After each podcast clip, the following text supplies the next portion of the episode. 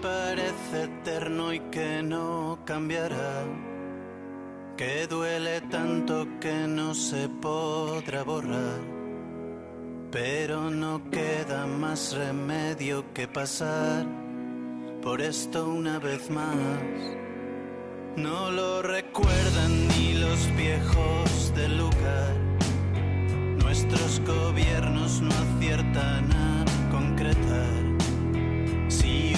Algún indicio, alguna señal que lo hiciera sospechar. Tú me repites una y otra vez que ya no sientes lo que un día fue.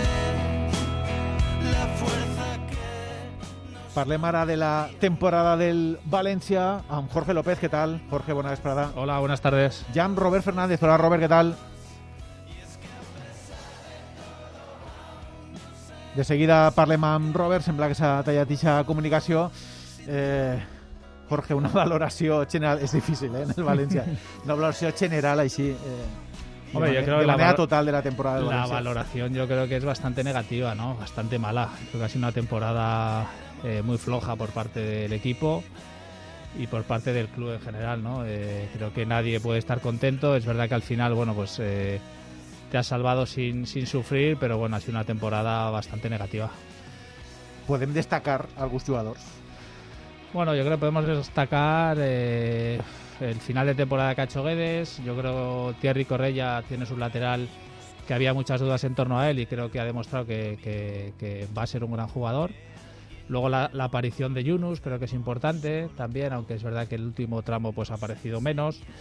Y bueno, creo que también eh, el hecho Carlos Soler creo que también al final ha acabado bastante bien, también es importante que se ha hecho se ha hecho con más eh, fuerza dentro del, del equipo. El lideratge de Gallà, possiblement. Gallá, sí, bueno, Gallá siempre, siempre cumple y, y poco más, sinceramente. L'aparició també a final de Siles, no? Una, una Sí. llàstima que hagi estat lesionat tant de temps. Sí, se ha lesionado mucho tiempo, pero es verdad que, que lo ha hecho muy bien, ha transmitido mucha seguridad y, y, bueno, yo creo que también es también ha sido ha sido importante, ¿no? Un jugador que ha jugado, no ha tenido suerte desde que ha venido aquí a Valencia y, y ha acabado muy bien la temporada. I en la banqueta Boro, eh, per sèptima vegada al rescat de, de l'equip i, i ho ha fet bé. Sí, bueno, Boro es, es el salvavidas, ¿no? Yo creo que yo creo que él- ayer creo que le escuchaba, lo decía, ¿no? Que ojalá no vuelva a tener que coger el, el equipo. ara l'escoltarem. Sí, tot i- sí. yo creo que es muy significativo, ¿no? Él está claro que está para ayudar al club, pero no es lo que quiere el, el tener que estar eh, cogiendo al equipo, porque eso significa que, algo ha ido mal. Escoltem precisament a Boro, l'entrenador eh, interí del València per apagar focs, el que deia ahir després del partit contra l'Òscar. Han guanyat eh, dos partits, hem empatat un, hem perdut un altre. En definitiva, bueno, el més important era aconseguir els tres punts, això ho aconseguirem y yo creo que el equipo ha tenido un crecimiento. Mañana ya vuelvo a una posición donde, donde no tengo ningún componente técnico, lo que está claro es que lo que está claro que bueno pues que este año es un, un año un año muy malo y que, y que bueno pues el club tiene que tomar decisiones y, bueno a nivel de entrenador y luego pues confección de plantilla y entiendo que tomará las decisiones que, pensando en lo mejor y el fútbol sabemos que es complicado y esperemos que las decisiones pues pues sean las mejores y que el año que viene pues eh, empecemos a remontar de- de- después de una temporada muy mala y que ya venimos de la anterior que tampoco no fue buena. Yo siempre dit que esta no es una situación agradable para mí eh, i per tant sempre ha sigut una, una situació on la tinc que afrontar des de la responsabilitat. I ja està, i res més.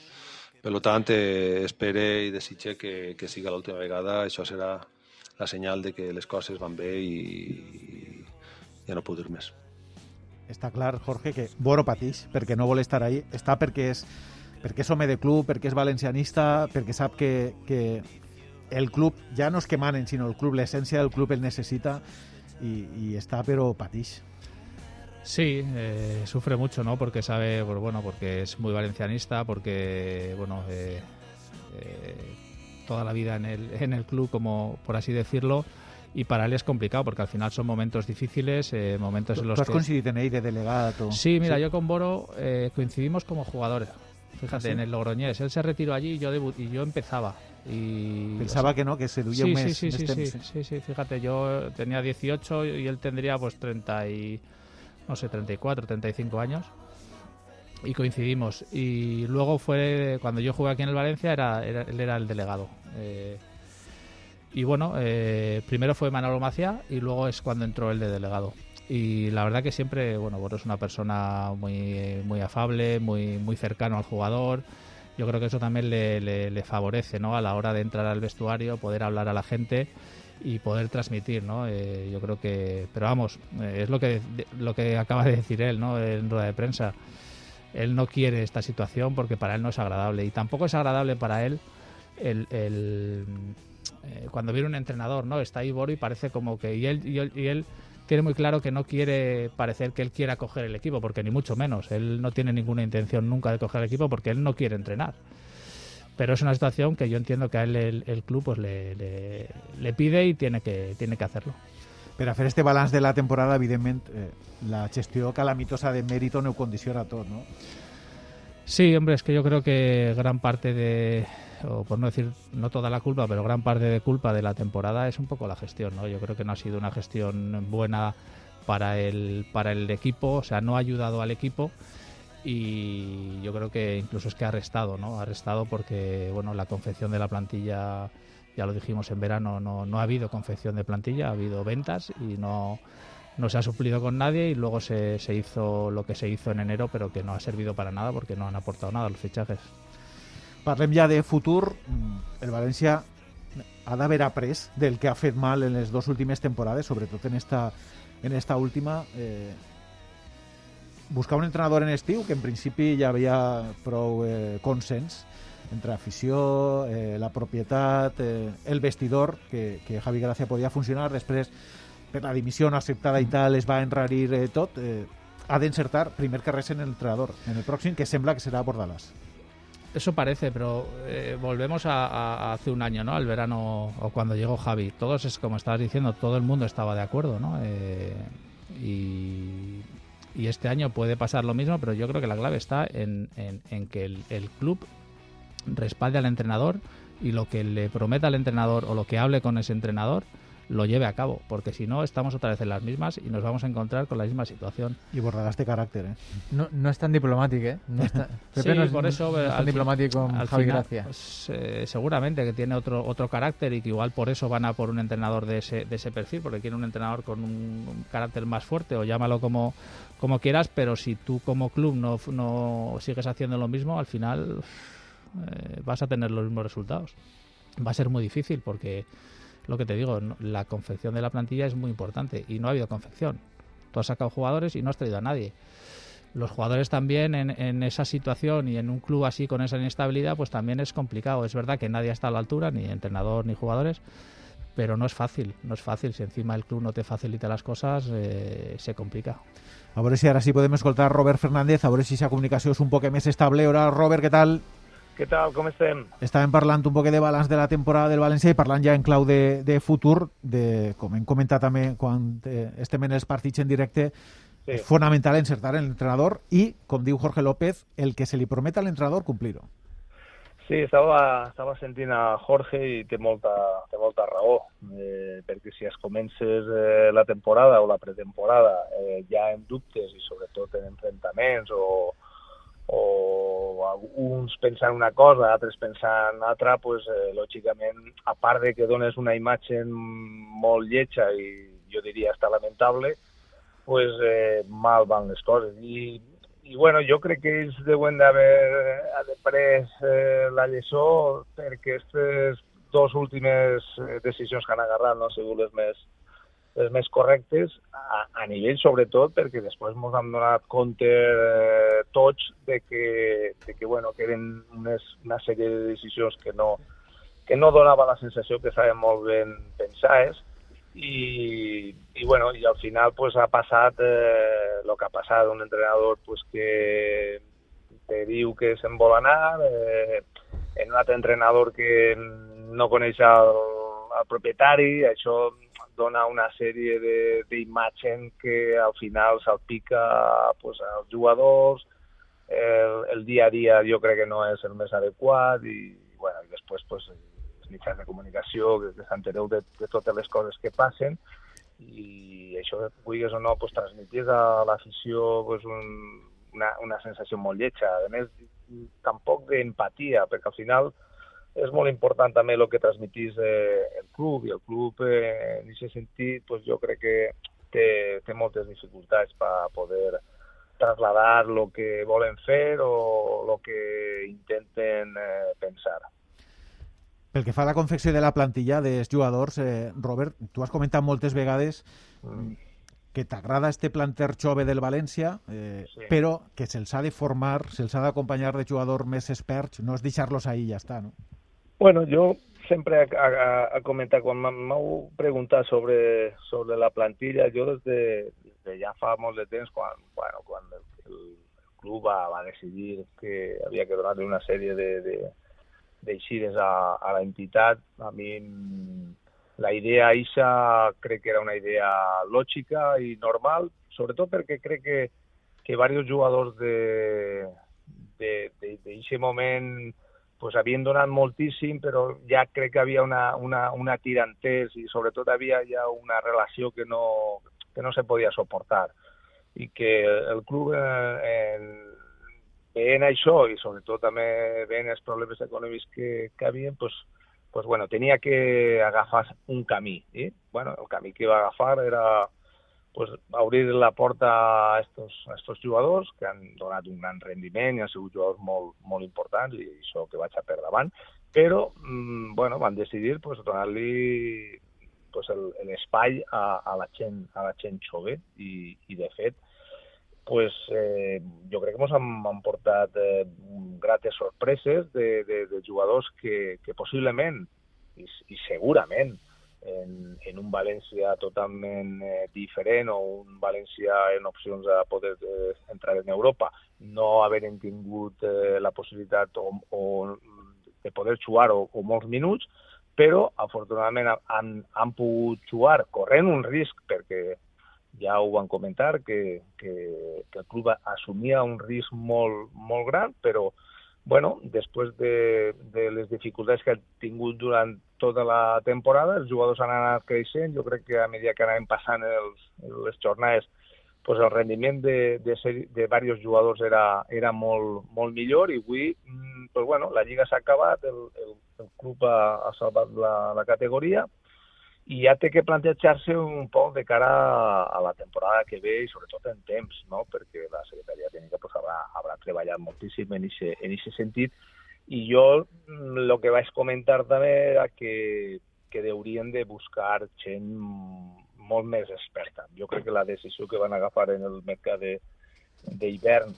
segurament ells sabran molt millor eh, el per què ho han, ho han tingut que, que fer d'aquesta forma, però jo crec que ha plegat el moment que deuen de portar jugadors que tinguen una, una capacitat, o sobretot que hagin tingut un recorregut important en equips i sobretot que tinguin una gran experiència, perquè ens ha donat compte que si tu portes jugadors que en un equip que, que, que necessita aquesta solvència, perquè és un equip jove, és un equip eh, que, bueno, que hi ha 4 o 5 jugadors eh, que sí que tenen una gran experiència, però que necessites algo més perquè al final, quan es comença la, la temporada, tu necessites que el València lluixe per les competicions europees. No pots permetre que el València isca a, a la plaça a, a jugar per, per estar en mitjà de la taula. El València té que, té que eixir a la competició, a luchar per entrar en, en Europa. I això pues, eh, eh, comporta de que tens que anar al mercat a portar jugadors que ja tenen un, passat i jo crec que aquest estiu ho deuen de fer i ho, i ho, i ho tenen que plantejar d'una forma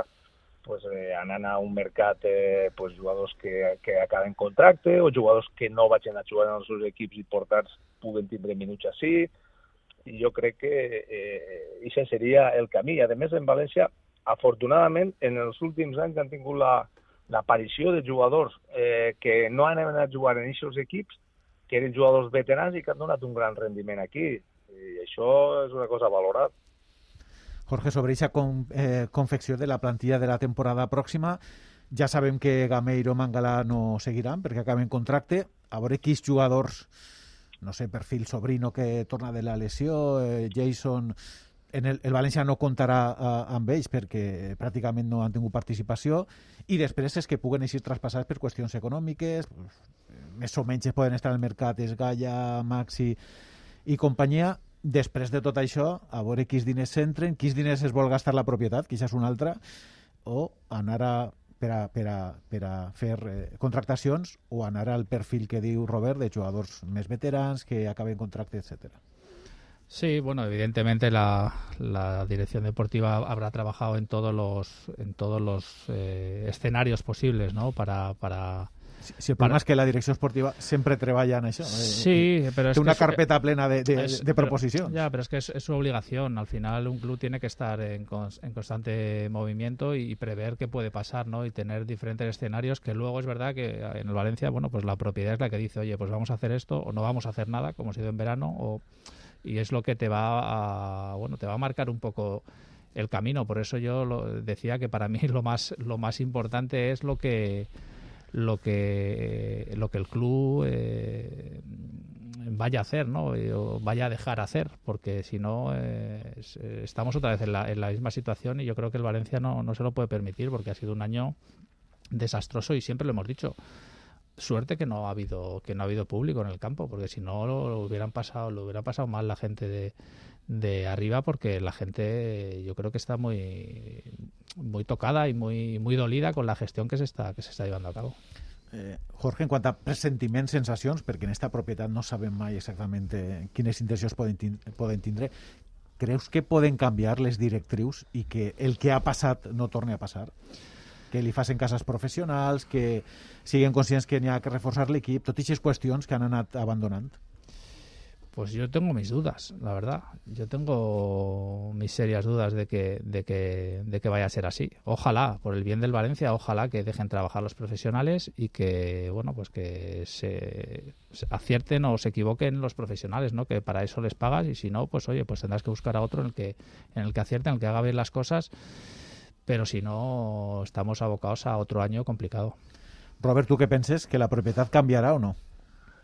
Mm, jo crec que l'entrenador que vaig a vindre va tindre una decisió molt important i deu d'assumir aquesta responsabilitat perquè no veig a ningú que ho puga, que ho puga fer. Per tant, l'entrenador que vaig a vindre va tindre vamos, jo pense que deu de tindre mm, veu i vot però és que està obligat a, a tindre-ho. Però si no, es, mm, tornaran a tindre els mateixos problemes. Però l'entrenador... I marcarà la línia a seguir, no?, en el pla esportiu. Sí, sí, sí. Jo penso que va marcar la, la línia i va decidir en els, en els fitxatges i en les eixides. Jo crec que, que, que estan obligats a, a fer-ho perquè si no ho fan eh, seguirem una, en el mateix. I, i jo pues, tinc, tinc els, els meus dubtes eh, de que ells eh, vulguin assumir aquesta responsabilitat. Jo crec que va ser l'entrenador. en, en la base que té el, el València ara mateix, en un entrenador, com estem parlant estos dies de perfil Bordalàs, quants fitxatges penses que li farien falta al València, Robert?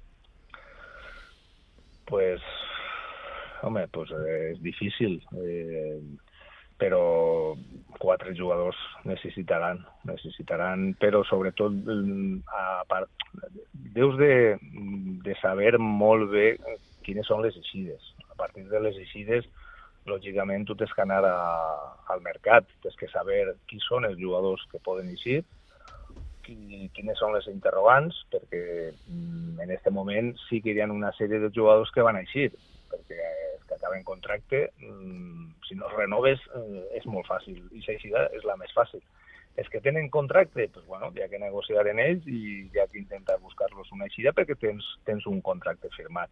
I després estan els que mm, podes, pots fer caixa, que ahí mm, bueno, hi ha una negociació que tens que mirar a veure els diners que, que tenen que entrar en el club perquè bueno, el funcionament del club siga eh, tranquil i, i sobretot a nivell deportiu no li cause problemes a l'entrenador, en aquest cas a, a l'equip, en, el, en el rendiment. Per tant, a partir d'ahí pues bueno, vas a saber quines són les entrades dels jugadors i quins són els jugadors que des de l'acadèmia poden tindre la possibilitat de poder estar en la, en la primera plantilla per tindre alguna opció de, de, de poder, de poder donar-li eh, minuts. Per tant, mm, bueno, podem parlar de tres o quatre, però al final mm, la informació de, global de, de l'equip sols la, la van a tindre la direcció tècnica i, i l'entrenador, però veient un poc eh, pues, bueno, el que pot passar, pues, si hi ha dos o tres jugadors que van a marxar perquè acaben contracte i, i, i poden eixir dos o tres més, pues estem parlant de quatre o cinc jugadors, però al final eh, no, és, no és un tema de quantitat, és un tema de, cali de qualitat, perquè, bueno, tu pots fitxar molts jugadors, però si al final mos passa el que ens ha passat en el mercat d'hivern, malament anem, no? Al final tens que anar a, per jugadors que, que t'aporten, que te, que te donen seguretat, que te donen eh, evolució en els, en els companys del costat, que, bueno, que el teu rendiment siga, siga òptim, i ahí és on el València no, no deu de fallar, però que siguis pensant el mateix que, que vaig comentar a principi de, de temporada, quan vam començar en les retransmissions. El València no té tan mal equip per estar en la situació que està. Jo crec que el València li ha fet molt de mal tot l'entorn, eh, la, la poca empatia que té eh, el club en, en, en els aficionats, en, en els socis, es, són coses que, que se tenen que solucionar o hi ha que buscar una manera de, de, de poder a, a a, a, un acord que és difícil i és molt, i és molt complicat. I en el món del futbol sabem que si la pilota entra mmm, moltes persones canvien d'opinió i veuen les coses d'una forma totalment diferent perquè al final el València està per damunt de, de, de totes les coses però jo crec que seria molt bo el, que el club acerte a l'entrenador que jo crec que és la persona vamos, vital, important. Si no acerta en el, en el club anem a tenir un problema important, un problema, un problema greu. I si acerta, pues bueno, pues eh, l'equip jo crec que li vindrà, li vindrà bé i, i funcionarà. Però també després té que acertar en els seus 3, 4 o 5 jugadors que, que vagin a plegar. Jorge, quan a número, com l'hem preguntat a Robert, i com diu ell, depèn molt no? de les eixides, de... encara n'hi ha molt per decidir abans de, de fer els fitxatges, però tu faries una gran revolució o, o serien només eh, jocs puntuals? Mm, No, hombre, yo una gran revolución no, no, no haría. Eh, está claro hay que ver lo que el club necesita vender eh, por el tema económico. Eso sería fundamental para a partir de ahí poder poder eh, bueno pues plantearte los, fichajes. Está claro que que los tres cedidos y Mangalá Gameiros salen, ya son cinco jugadores. Eh, yo siempre he dicho aquí que un mediocentro firmaría sí o sí.